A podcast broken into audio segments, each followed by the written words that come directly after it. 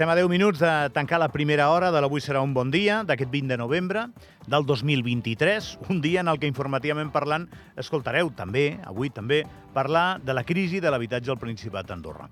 Hem escoltat abastament el que pensen els manifestants a través de la seva expressió eh, més epidèrmica, que és quan es manifesten. No? Hem, hem vist el que, el que volen, el que demanen. Hem vist també com reaccionen els polítics i com semblen permeables a aquestes demandes. I hem escoltat i hem llegit algunes de les reaccions de els que tenen els pisos i els lloguen, que tenen també uns representants. Anem a parlar amb un d'ells, que és Artur Oms, un dels més representatius, que és el vicepresident de l'Associació de Propietaris de Béns Immobles. Artur, bon dia.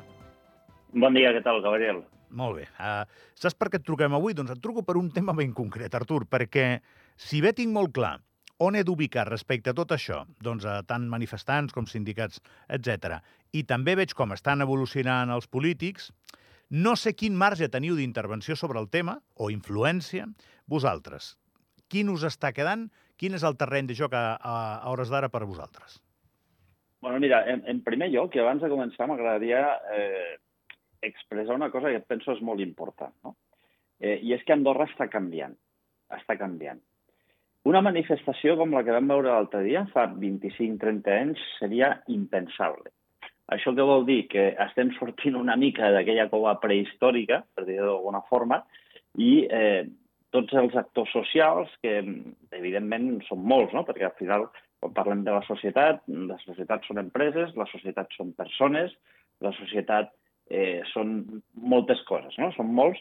Doncs tots aquests actors que abans eh, tenien una certa por a sortir al carrer, doncs ara ja no la tenen. Per què? Perquè això vol dir que Andorra està progressant. I això per mi és molt important. Que el fet de que la gent pugui sortir al carrer, la gent pugui sortir i dir el que pensa, això a mi em sembla eh, molt important. En segon terme, eh, tenim que dir que, mm, per fer honor a la veritat, que aquest govern és l'únic que ha fet alguna cosa respecte a les polítiques d'habitatge.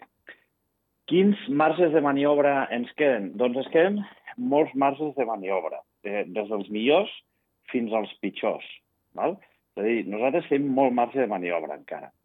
Nosaltres, eh, mira, és, hi ha una cosa és ben curiosa. L'altre dia llegia un, un article d'un economista eh, molt reconegut, per, fer, per cert, eh, que va publicar al diari Bon Dia, Santiago Niño Becerra, on advertia que el govern d'Andorra està adoptant una posició que no és bona per justament incentivar l'aportació de nova vivenda d'habitatge eh, lloguer. És més que evident que hi ha una tensió entre la demanda i l'oferta.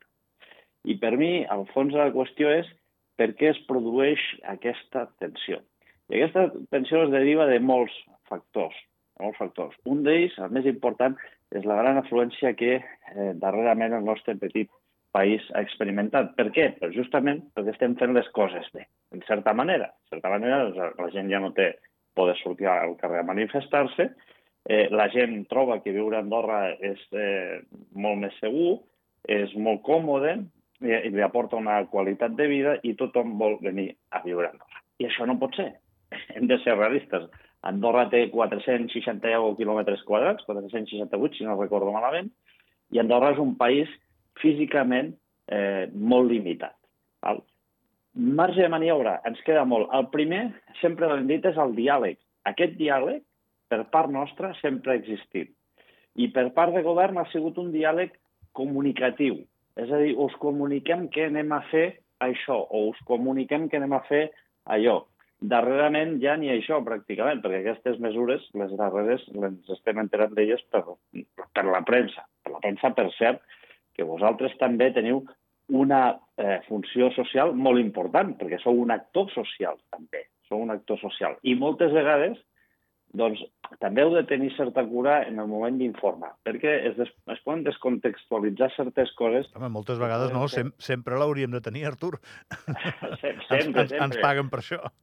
No, però que eh, a, a vegades quan em, em refereixo a això, que una persona pot dir, eh, o pot, pot, eh, pot ser entrevistada en un mitjà de comunicació com és el nostre, per cert que feu una molt bona feina i el teu programa m'agrada molt, i treure només o extreure una petita part d'aquella entrevista i descontextualitzar-la. I això és perillós.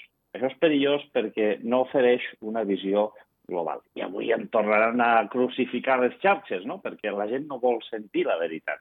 I la veritat és que no som nosaltres els culpables de tot el que està passant.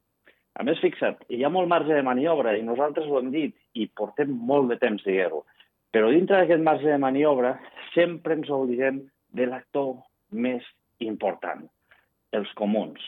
Els comuns juguen un paper crucial. I on estan els comuns? Amagats en una cova. Han sortit els comuns? No.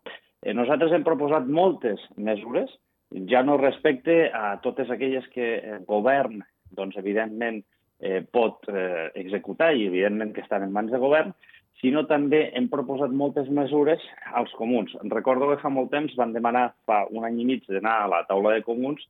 En un principi se'ns va dir que sí i després se'ns va vetar la presència a la taula de comuns per explicar justament totes aquestes mesures que des de l'APBI volíem tenir eh, o volíem dur a terme per promoure molt més habitatge i lloguer. Però avui, a més a més, tenim un greu problema, que és el de la seguretat jurídica. I fixa't, i ho diu molt clar el Santiago, el Niño, el Niño Becerra, en aquest article del Bon Dia, ho diu claríssim. Aquestes, eh, totes aquestes eh, mesures que s'estan prenent amb molt bona voluntat, per cert, amb molt bona voluntat, no només no serviran d'absolutament res, sinó que, a més a més, l'única cosa que faran és agreujar molt més la situació.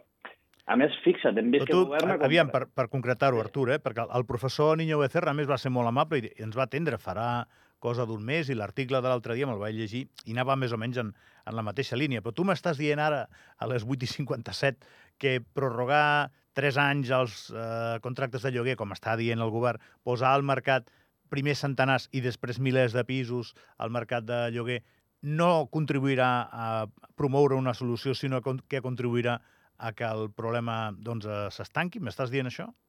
No, no t'estic dient això. Vale, vale, per entendre-ho. T'estic dient, t'estic dient, t'estic dient que intervenir un mercat va contra tot allò que tu vols eh, generar. T'estic dient això, ni més ni menys.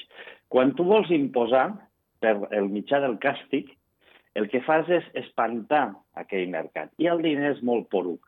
El diner és molt poruc. I és així. No és d'una altra manera, Gabriel. Fixa't, a més a més, això dels pisos no és idea de govern, és idea nostra. Això ja ho vam predicar amb l'Eusebi Noven fa cinc anys.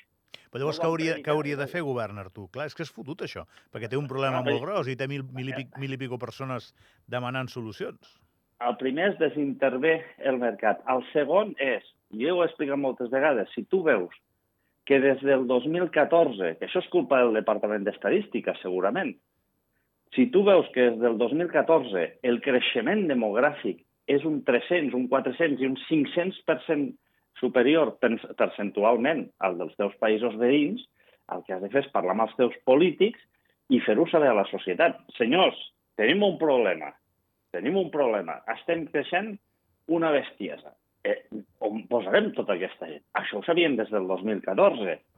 Som nosaltres els culpables? No. Què és el que passa? Que el parc mobiliari és el que és, no n'hi ha més. I si, a més a més, tu el que fas és intervindre al mercat, doncs aquesta gent que podria construir el que fa és defugir d'aquest mercat. És més, estem veient com molts pisos de lloguer, molts edificis sencers s'estan posant en venda. S'estan posant en venda per què? Perquè al final, si tu, tu dius, bueno, tinc que amortitzar això a 35-40 anys, agafo els diners, ja, els tinc de cop, els inverteixo en un altre sector que segurament és molt més rendible, perquè a més a més, eh, no ens equivoquem, la rentabilitat de, del lloguer és d'un 2,2, 1,8, 2,2 a un 3,5 màxim, màxim. 3,5 parlant de si el terreny és teu, etc etc. Si el terreny no és teu i l'has hagut de comprar, estem parlant d'un 1,80% de rentabilitat. Avui en dia, en un dipòsit a plaç fixe, amb una certa quantitat pots arribar a negociar fins a l'Euríbor un 4%, un 3,50 d'interessos a l'any. Artur. Qui té ganes d'invertir en lloguer? Uh, ves mirant l'agenda perquè m'estic adonant que no t'hem convidat encara a un cafè i això no, no ho podem matar amb una trucada d'actualitat perquè ja, ja no tinc més temps.